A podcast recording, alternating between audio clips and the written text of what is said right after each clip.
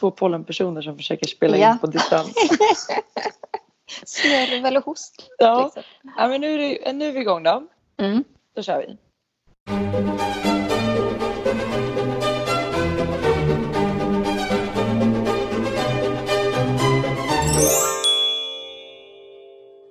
Hej och välkomna till Kungligt Med Jenny Alexandersson och Sara Eriksson. Vi är så glada över att vi fortsatt eh, kan leverera vår kungliga podcast trots att vi inte kan ses och istället får spela in på distans. Ljudkvaliteten, ja den kanske inte är, eller den är inte lika bra som i studion men vi gör så gott som vi kan och vi kan ändå lova att det kungliga snacket är lika bra i alla fall och det råder inget brus i det så att säga. Nej, verkligen inte. Och även om man vill eh, ta en paus från corona så ser ju verkligheten annorlunda ut och det gäller ju även kungligheterna.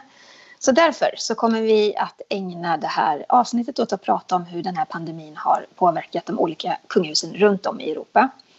Och glöm inte att prenumerera på vår podd så missar du inte något avsnitt och podden släpps varje fredag. Klickar du på prenumerera-knappen så kommer du inte missa något avsnitt. Så är det, det får man inte missa. Nej, Ja, men hela världen skakas ju nu av det rådande läget och eh, coronavirusets framfart och eh, det undgår ju inte någon och kan drabba också vem som helst. Man som kvinna, kunglig eller ej. Ja, men det här måste ju vara den mest demokratiska sjukan någonsin. Eller så kanske det är med de flesta sjukdomar att eh, den har ju inga gränser. Och förra veckan så meddelade furstendömet Monaco att först Albert är sjuk. Och eh, tidningen People de fick en intervju med honom och han berättar ganska mycket där att han har milda influensasymptom, lite feber, lite hosta och snuva. Och de har löst det så att de har separerat, eller han har separerat sig från familjen. Han sitter i karantän och hans fru Charlene och eh, parets tvillingar Jacques och Gabriella de har bosatt sig tillfälligt då på Rockachelle. Och det är ett exklusivt landställe som ligger på gränsen mellan Monaco och Frankrike. Man undrar ju då ifall att eh, övriga familjen också har testats då så att de kan garantera att de inte har blivit smittade av Albert. Jag, jag kan tänka mig att de har det. Det verkar ju som att kungligheter och officiella personer eh, lättare kanske får ta ett sånt test eh, på grund av sin, eh, ja, sin position i samhället. Ja, och det kan vara olika från land till land också, tänker jag. Ja, men inte nog med att eh, det fanns ju då också en, det finns såklart en rädsla kring att han först har blivit smittad och så fanns det också en rädsla av att Albert då ska ha smittat eh, Storbritanniens prins Charles. De var ju på samma event nyligen och deltog eh, vid eh, Kings eh, Place och eh, de ska även ha delat bord vid en lunch. Och eh, de pratade såklart om coronaviruset och dess effekt på den glo- globala spridningen.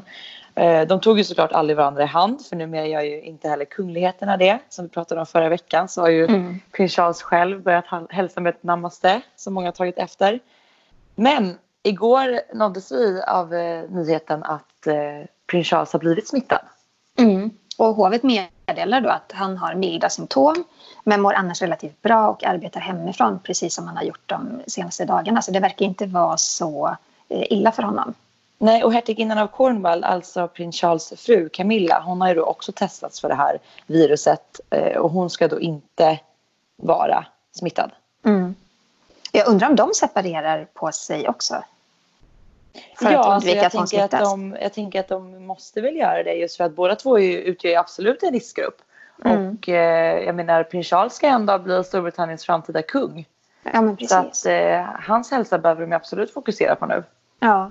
Men det finns ju fler kungligheter som har blivit sjuka. Eh, danska drottning Margretes barnbarn, prins Henrik. Alltså han är ju son då till prins Joakim och Marie. Eh, han tillhör riskgruppen för han har svår astma och eh, nu har han drabbats av akuta luftvägsproblem. Och det är klart att då kommer den här rädslan ifall det kan vara corona eller inte. Och då skickar danska hovet ut ett pressmeddelande där de berättar då att prinsessan prinsessa Marie och prins Joakim, inte Madeleine, eh, Nej. de har tvingats lämna Paris där de har bott då sedan i somras. Och eh, så här låter det pressmeddelandet. Deras kungliga högheter prins Joakim och prinsessa Marie samt deras barn prins Henrik och prinsessan Athena kom igår till Danmark där prins Henrik har blivit undersökt på Rikshospitalet för andningsproblem som är förknippade med astmatisk bronkit. Prins Henrik blev också undersökt för coronavirus. Testet var negativt. Och det här skriver då drottning Margretes informationschef Lene Balleby. Ja, och hovet meddelar att det är just på grund av prins Henriks hälsotillstånd som familjen då har valt att återvända till Danmark från Paris. Och eh, Henrik han har då kämpat med sina astmaproblem i nästan hela sitt liv och har under de senaste åren hela tiden varit en eh, patient hos läkarna på sjukhuset i Köpenhamn. Um, nu har Henrik inte behövt läggas in och hela familjen befinner sig nu på sin våning i Amalienborgs slott i Köpenhamn, säger också då Lena Ballenby som är informationschef vid hovet. Och det är ju många kungligheter, eller nästan alla europeiska kungligheter befinner sig i någon slags eh, frivillig karantän eller isolering just för att de, de följer ju sina länders myndigheters beslut helt enkelt. Och norska kungaparet och det, de måste ju agera goda exempel, tänker jag. Mm.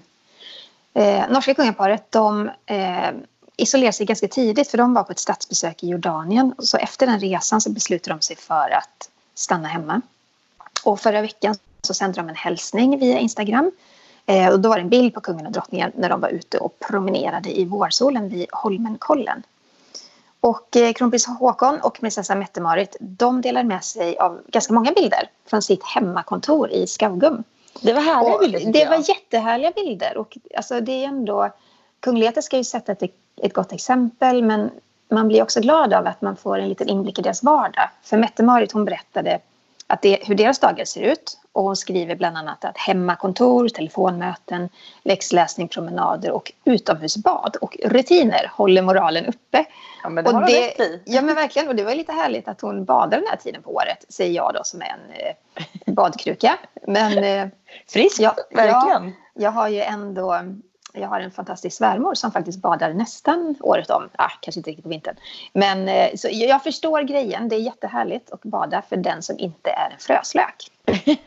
Helt ja, jag, tycker, jag tycker att jag, tanken om det tycker jag är väldigt härlig jag kan verkligen romantisera hela bilden av att vara en året runt badare. Kanske man kan mm. bli någon gång. Men mm. eh, friskt av eh, Mette-Marit att hon hoppar i. Ja, hon sitter också hemma och väver. Hon har fått låna en vävstol av en lokal hantverksförening. Och du vet, du vet den, här, den här gamla klassiska typen av vävstol som fyller ett helt rum. Alltså den är gigantisk. Hon kan typ väva mattor och Det är inget jag skulle få plats med i min lägenhet så att säga. Nej, inte jag heller. Men det så väldigt härligt ut och jag tänker att det kanske också inspirerar andra. För i de här tiderna nu när vi inte kan röra oss som vi vill och har kanske har mm. planerat mm. så kanske det ges då tid åt just sånt här man inte har sysslat med eller tagit sig tid för på väldigt länge. Mm. Men sen är det många kungligheter som mest lägger upp eh, bilder på allvarsamma jobbsituationer, eller hur? Mm, ja, men absolut. Och det var därför jag tyckte det var så härligt just att man fick den här lite mer helhetsbilden av vad det norska kronprinsparet eh, gör under sin karantänstid. För att ja. till exempel eh, danska kronprins Fredrik, han har inte varit sen med att haka på just att dela med sig av bilder. Han visade ju då upp sitt flotta kontor på Amalienborgs slott i Köpenhamn men det var ju en, en seriös eh, kronprins som satt och jobbade och hade bland annat då träffat eh, volontärer för Röda Korset via en videolänk. Eh, mm. För att då kunna hylla deras viktiga insatser den här tiden. Och det tog ju faktiskt bara en dag innan Röda Korset i Sverige meddelade att svenska kronprinsessan Victoria hade ringt till dem för att uttrycka sitt stöd för deras insatser och närvaro i samhället nu och som alltid. Och kronprinsessan hälsade då även att fortsätta med det här fina arbetet till då alla medlemmar, givare och volontärer. Så ja, för de inspireras Victoria... ju mycket av varandra som kollegor också. Ja, och visst. Eh, och eh, Victoria hon hade ju också satt system nu de här dagarna att ringa upp organisationer som är extremt involverade i arbetet mot corona eller kanske har en utsatt eh, position eller vars medlemmar har en utsatt position. För jag vet att hon även ringde till eh, Cancerfonden eh, mm. och uttryckt oro. Och säkert till alla de här organisationerna där hon är beskyddare och ja, men bara försäkra sig om att eh, ja, men ingjuta lite mod kanske. Ja men precis. Och eh, jag tycker det är kul att man ändå i den här svåra tiden kan få en glimt av hur ändå alla våra kungligheter jobbar på sitt håll, på sin kant, mm. på sitt kontor och, och allt det här just för att ja, men annars är det ju alla isolerade nu, ingen har ju koll på någon. Nej. Där är ju men, sociala medier fantastiskt. Det är det. Och på Instagram så la Victoria Daniel också upp en bild på när Oscar Estelle tvättar händerna. Med tvål och vatten. Just ja. Vid diskhon på Haga slott. Eller var det i ett badrum? Jag vet inte. Men jo, diskhon på Haga det var slott tror jag det var. Däremot ja. prinsarna Alexander och Gabriel, alltså prins Carl Philips söner, de, de var bilder från ett badrum såg jag. Ja. ja. Men, Men det, som du säger, de måste ju föregå med gott exempel även de och vara liksom de här förebilderna som vi alltid ser dem mm. som. Eh, och ja. det är klart att det är bra att de delar med sig av den här typen av bilder och information. Men sen har ju Victoria och Daniel, de eh, har ju på många bilder varit väldigt uppklädda på, mm. på sitt hemmakontor. Det, ja, det förvånar mig. Till det. Ja. Men vi pratade faktiskt om det innan här när vi började podda hur viktigt det är just att hålla igång någon form av det här, den här vardagskänslan att man går ja. upp, man gör sig i ordning, man går, liksom, man går ut och går kanske för att just få de här tydliga markeringarna när man börjar jobba och när man slutar jobba. Och det mm. gäller väl även dem tänker jag. Ja, ja men så är det ju såklart. Och som du eh, sa så kronprinsessan har bland annat då ringt runt för att eh, visa sitt stöd och höra sig för hur situationen ser ut. Och prins Daniel han jobbar också på hemifrån. Det är datorer, samtal, anteckningar. Mm. Ja, men de försöker hålla igång sitt kungliga arbete så gott som, som möjligt i denna tid. Eh, och det måste ju vara en väldig kontrast mot jag tänker hur många olika besök de gör på ett år till exempel. Ja men verkligen. En stor del av kungligheternas officiella arbete handlar om att träffa människor. Och det mm. gör de ju inte nu. Kungaparet de eh, befinner sig sedan en tid tillbaka på Stenhammars slott som ligger utanför Flen. Och eh, vanligtvis bor de på Drottningholm, det känner ju de flesta till. Men nu har de då liksom bestämt sig för att bo på landet ett tag och jobba därifrån så gott det går. Och eh, de tillhör ju också en riskgrupp i och med att de är över 70 och måste mm. ta till åtgärder som, som alla andra. Ja, och det, det är viktigt. Och det, vet man då om det är därför de har valt att flytta dit denna tid? Just för att kanske hålla sig lite mer isolerade gentemot att vara i Stockholm till exempel? Jag, jag tror det är den logiska slutsatsen att, att dra. Sen är ju Stenhammars slott eh, en, verkligen en favoritplats för kungen och, och drottningen. Och det är ju härligt när de åker dit då brukar de alltid minska ner på personalstyrkan. Alltså de lever ju ett litet friare liv där kan man ju säga mm. än vad de gör hemma också ha tillgång till skog och mark på ett helt annat sätt. Så mm. de liksom till exempel norska kungaparet kanske kan vara ute och gå en promenad i friska luften även om omständigheterna nu ser väldigt annorlunda ut ja. såklart. Men. Och någon som också har valt att lämna sitt slott mm. det är ju drottning Elizabeth eh, i Storbritannien och hennes man prins Philip. De, eh, tillsammans flydde de till Windsor Castle och eh, fotografer de hann ju såklart fånga det här på bild. Och eh, en lite rolig detalj då mitt i stundens allvar det var ju då att drottningens alla såna här korgihundar följer ju henne nästan i varje steg och de var ju givetvis med även i bilen. Och eh, såg du den här bilden när den här hunden mm. då satt i drottningens knä och tittade ut genom rutan? Jag tyckte det var mm var lite, lite kul faktiskt. Men eh, som sagt, hon går inte många meter utan sina älskade hundar. Och eh, faktiskt är det så att nästan alla drottningens corgis har släktband med hennes allra första hund. Som hon fick som ah. ung. Och jag läste någonstans att det nu är liksom 14 generationen med hundar. Och att hon har haft cirka 30 olika. Hon är verkligen en sann sån fyrbent vän. Ja men verkligen. Så att och nu hundarna vet vi... skulle med för att isoleras på Windsor. Ja. Och nu vet vi varför drottningen valde att flytta till Windsor en vecka förtid. Hon brukar ju alltid tillbringa påsken där men nu drog hon alltså en vecka tidigare. Och anledningen är att en anställd på Buckingham Palace har testat positivt för corona. Och det är ju på Buckingham Palace som drottning Elizabeth har sin privata våning där hon bor. Ja, och andra medarbetare de ska ju då ha varit i kontakt med den här smittade personen så att risken finns ju då att även de är smittade och den, den anses ju som ganska hög. Mm. Och eh, en talesman vid slottet vill ju då såklart inte kommentera enskilda medarbetare. Och eh, på Buckingham Palace så arbetar över 500 personer. Så vi får hoppas att den som eh, smittats är frisk i övrigt och såklart kryar på sig så snart som möjligt samt att drottningen nu inte har hunnit bli smittad. Eh, och hon förväntar sig nu bli kvar på Windsor under en överskådlig framtid. Mm. Och eh, de är inte där helt ensamma. Utan de har isolerat sig med några av sina mest pålitliga medhjälpare. Eh, de har två trotjänare som de inte kan vara utan och en av dem är Paul Wybrew. Eller Tall Paul, alltså långa Paul som han kallas.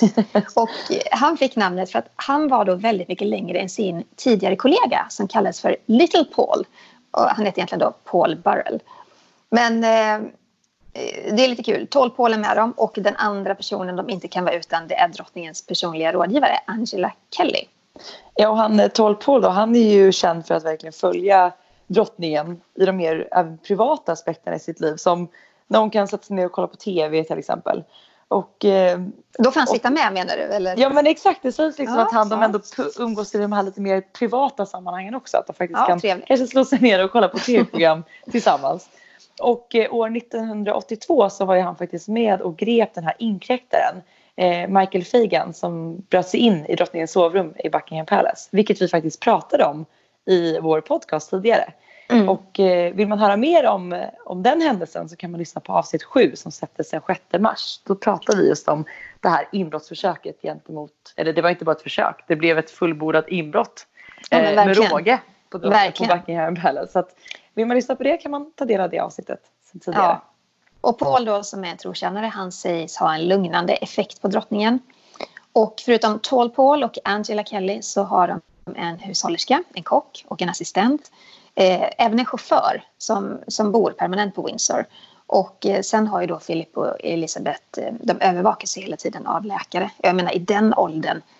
Elisabeth Alltså, fyller snart 94, Ja. prins Philip, vad är han, 98? 98 år. Ja. Och han har ju faktiskt nu det senaste halvåret varit lite skruttig och åkt in och ut på sjukhuset. Så att Mm. skulle de två drabbas av det här viruset så är det riktigt illa kan jag tänka mig. Så är det ju. Ja, men förutom att kungligheterna nu liksom vi skyddar oss ifrån de här hemskheterna så har de ju även ett annat viktigt uppdrag, liksom att ena folket och landet. Och det gör ju kungligheterna som allra bäst när de håller ett tal. Vilket faktiskt eh, både Danmarks drottning Margrethe har gjort, Norges kung Harald, Sveriges kung eh, Carl Gustaf, Belgiens kung Philippe, Luxemburgs kung Henri, Nederländernas kung William Alexander, Spaniens kung Philippe. Ja, men de har alla tillsammans hållit ett tal till sin nation på varsitt håll. Just för att ena och ge ett ljus. Och det är ju, tänker jag, en stor del av en statschefs uppdrag i sådana här tider. Att eh, vara en samlande kraft. Det pratas ju mycket om det. Och eh, historiskt sett så, så har ju det bidragit till att monarkierna stärks, ökar i popularitet. Eh, det lyfter liksom hela, lyfter kungahusen och, eh, och folk visar ju uppskattning. Eh, Mm. de, ofta är det så att man söker någon slags eh, styrka eh, någonstans ifrån. Och, Eh, vår kung har hållit tal i svåra tider under tsunamin, under, vid terrordådet på Drottninggatan och nu då med anledning av corona. Och jag tycker att alla de talen har varit väldigt eh, kloka och eh, uttänkta och eh, bra. Därför Ja. att det, det, det är nästan då som kungen gör sig bäst tycker jag i sådana här svåra Ja, situationer. jag håller verkligen med för det är just de här stunderna han har sagt, har hållit de allra bästa talen och sagt kanske de orden som verkligen han har hyllats för. Och jag tror, många män, ja, jag tror många människor kan lite så här vackla inför politiker för att man vet att politiker har en agenda när de håller tal. Mm. Eh, nu när statsministern höll tal, det, det kan man väl ändå liksom eh, se som någon slags... Här, eh, ja, där hade han ju ingen baktanke med det utan där var det ju liksom ingjuta mod och, och trygghet och sådär. Men när, an, när politiker i andra fall gör uttalanden kring sådana här svåra situationer så har de ofta en politisk agenda. Men Mm. det har ju inte vår kung. Han har ingen politisk makt utan när han håller här tal så handlar det om att eh, vara den här samlande kraften, vara en hand att hålla i när det är Ja. svårt. Och där är det såklart att eh, övriga europeiska kungahus de tänker ju likadant och förmodligen har det ju samma genomslagskraft om kanske inte än starkare där än vad det har i Sverige. Och det är faktiskt bara endast eh, först Albert av Monaco som nu då även är sjuk själv i corona. Eh, Alois av eh, Liechtenstein och drottning Elisabeth som inte har tagit efter övriga europeiska kungahus och hållit tal. Eh, Elisabeth har ju dock gått ut med en skriftlig hälsning men vi har inte fått något tal från hennes sida. Det kanske kommer, vem vet? Eh, Ja, vi har ju sett tidigare att det har tagit lite tid i vissa stunder just att hon mm. tar initiativet till att börja tala. Istället Men har vi ju William- sett, ja. ja. precis, vi har ju sett eh, William till exempel. Han är nummer tre i tronföljden. Han har ju via Instagram då eh, hållit ett tal där han hyllade vårdpersonal och styrkan i att vara enade i krisen.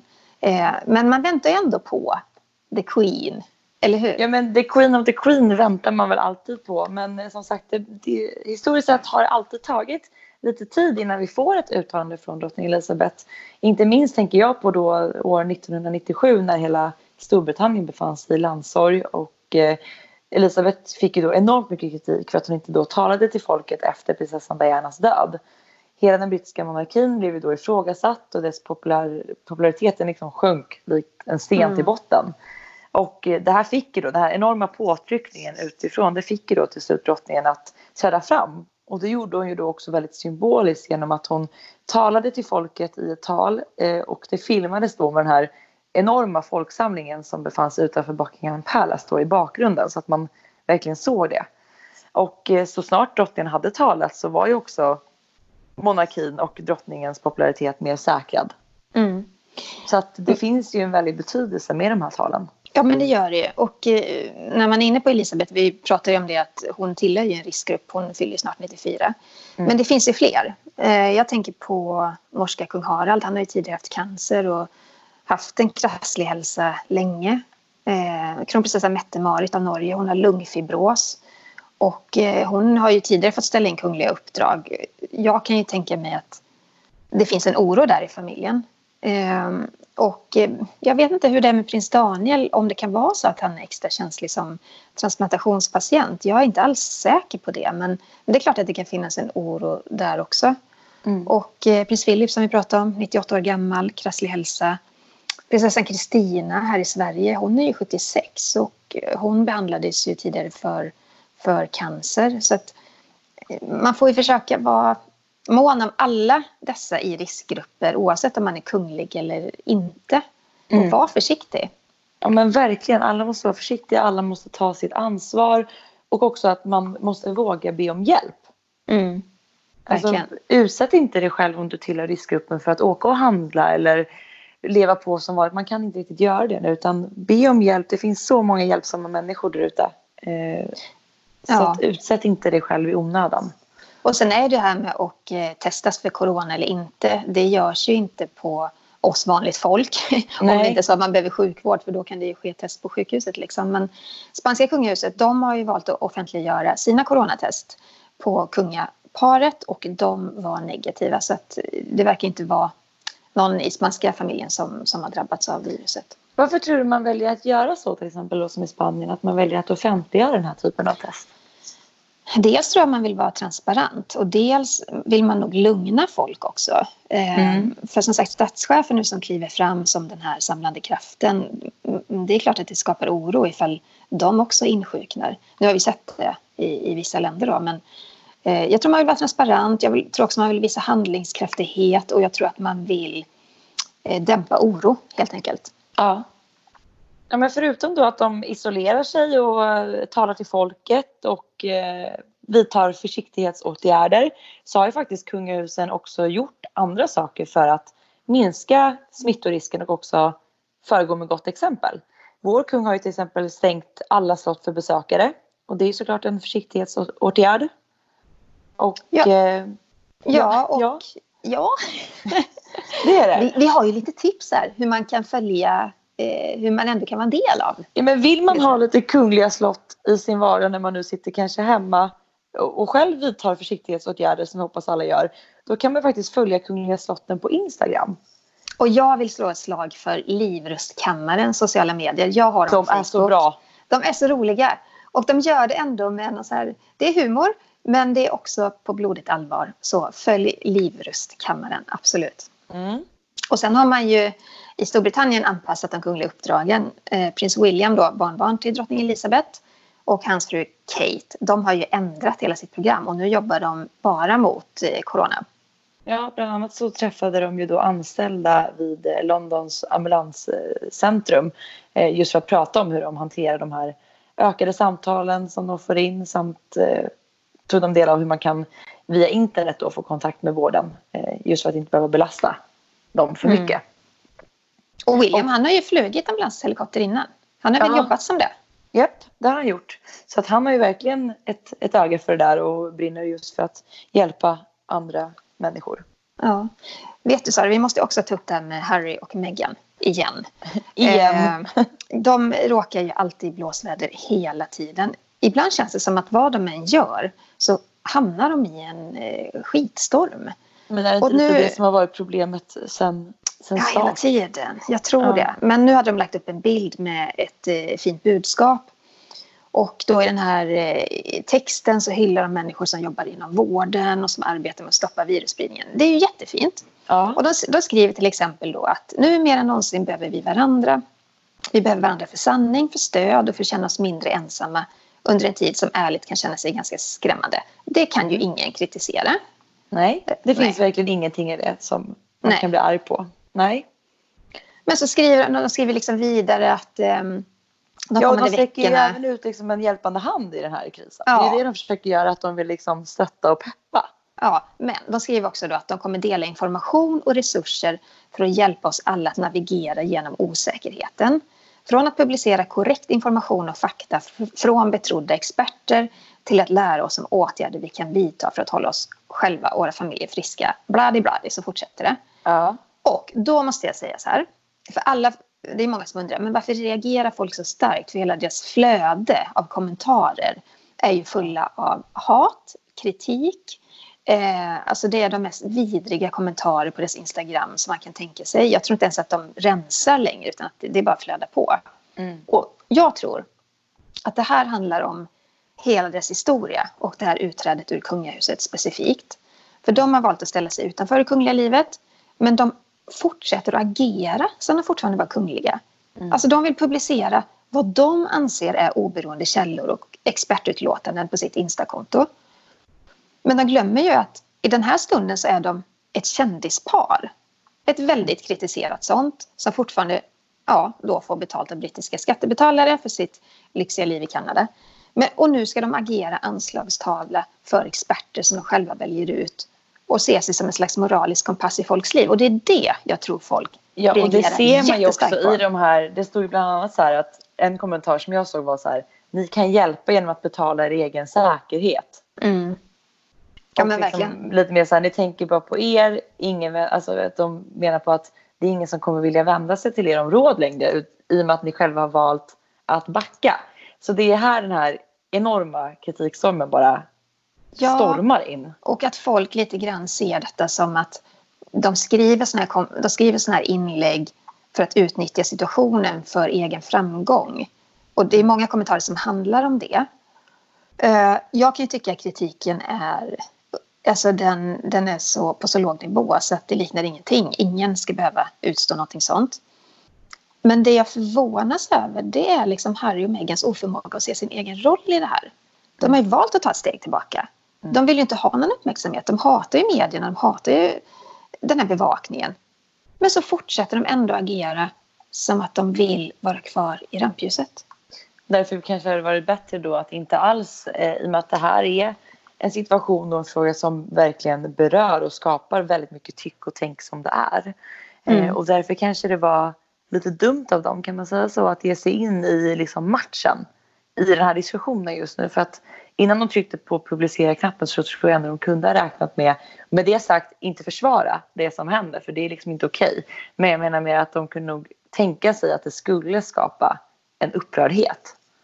Ja, och jag undrar om det är de själva som skriver eller om de har rådgivare som skriver. Eh, för man, jag tänker att med en enkel diskussion dem emellan så hade, hade man väl kanske kunnat komma fram till att det kan vara bra att ligga lite lågt just nu när världen är upp och ner. Mm. Inte agera som att de vore drottning Elisabeth. Eh, utan att vara lite mer ödmjuk i sin framtoning. Mm. Ja, det känns som att det går liksom inte att spela in en kunglig podd utan att alltid landa tillbaka till Harry och Meghan. Och så kanske det kommer fortsätta att vara även om de inte längre utgör en del av det kungliga huset.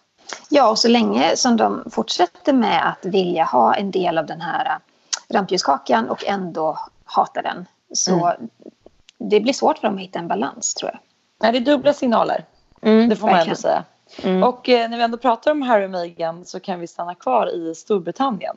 För det är nämligen så att eh, Harrys kusin, prinsessan Beatrice, som då också är barnbarn till drottning Elizabeth och äldsta dotter till prins Andrew.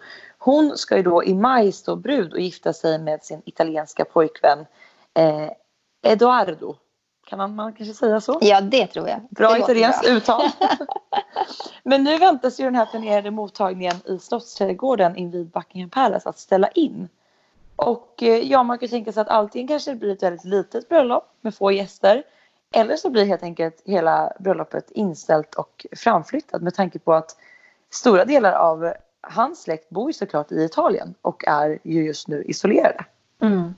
Så blir det säkert. Eh, ja. Om det här fortsätter i maj så kan de inte ha det bröllopet. Det går och inte. Det, som det ser ut nu så är det mycket troligt att det kommer göra det. Mm. Så det är väldigt tråkigt och väldigt tråkigt för dem och väldigt tråkigt för oss som gillar att följa kungliga mm. bröllop. Och prinsessan Kates bror, han skulle också gift sig under våren men det är också inställt. Det är inställt. Ja. Eh, det gjorde han säkert rätt i. Mm. Och nu till tre stycken lite kortare nyheter som vi för en gångs skull ska försöka hålla lite kort just. Jag vet ju att det är fler här, inklusive jag själv, som har en väldig fäbless för kungliga diadem och smycken. Och, väl, jag har väldigt glada nyheter till oss alla. För aldrig tidigare har ju tv-tittare kunnat studera de kungliga smyckena och juvelerna så närgånget som nu. För att i två unika program så öppnas det kungliga smyckeskrinet upp och framplockas ju då de här ovärderliga diademen, tiarorna, halsbanden och örhängena. Och eh, smyckena de berättar ju om kungahusets och Sveriges historia och eh, alla de kvinnor som burit de här vackra tingen genom historien. Och det är då drottning Silvia, kronprinsessan Victoria och prinsessan Kristina som kommer att berätta på ett personligt sätt om smyckenas historia och vad de betyder för dem själva. Och det här programmet sänds i två delar med premiär torsdagen den 2 april klockan 20.00 i SVT1. Ja, vad spännande. Kommer du titta?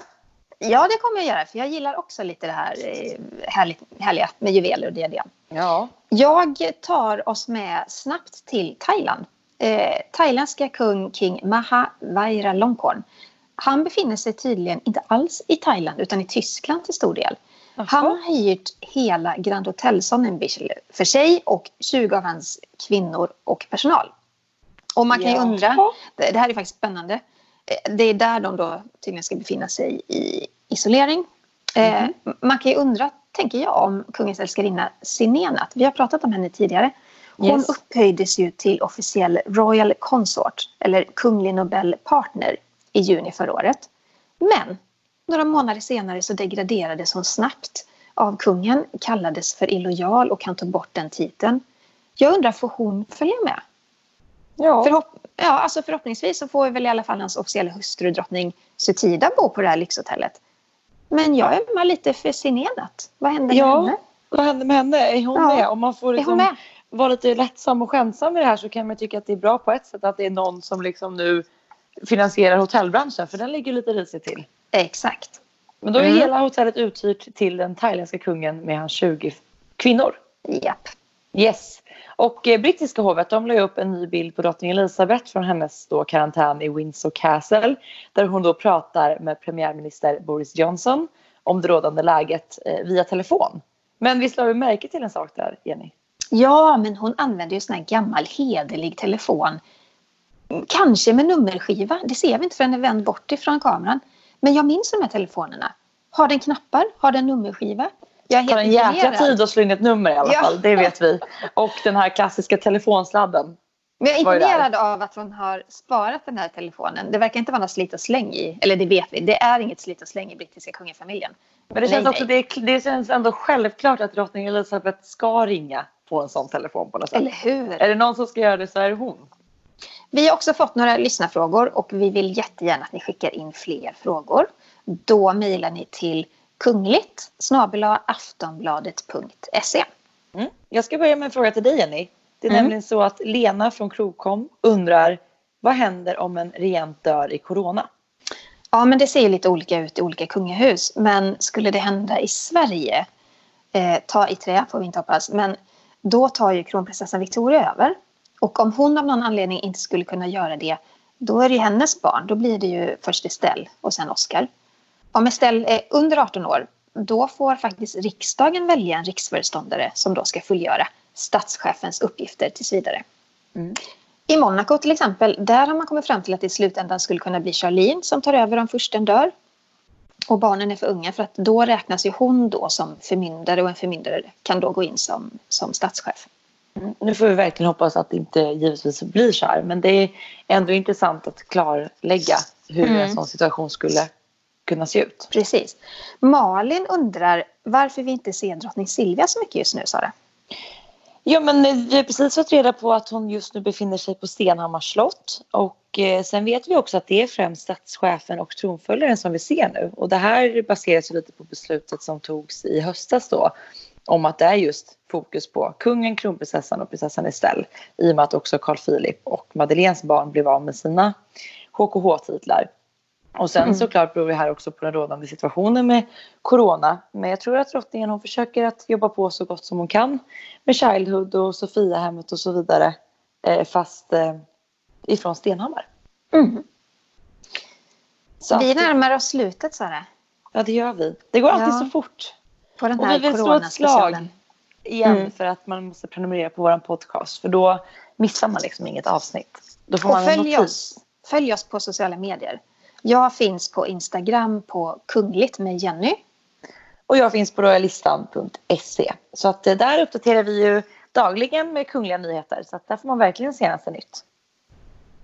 Ta hand om varandra nu och så hörs vi åter nästa vecka. Tvätta händerna, håll avstånd, var smart. Och gå ut i solen om ni kan. Ja, njut av våren. Yes. Hej då! Hej då!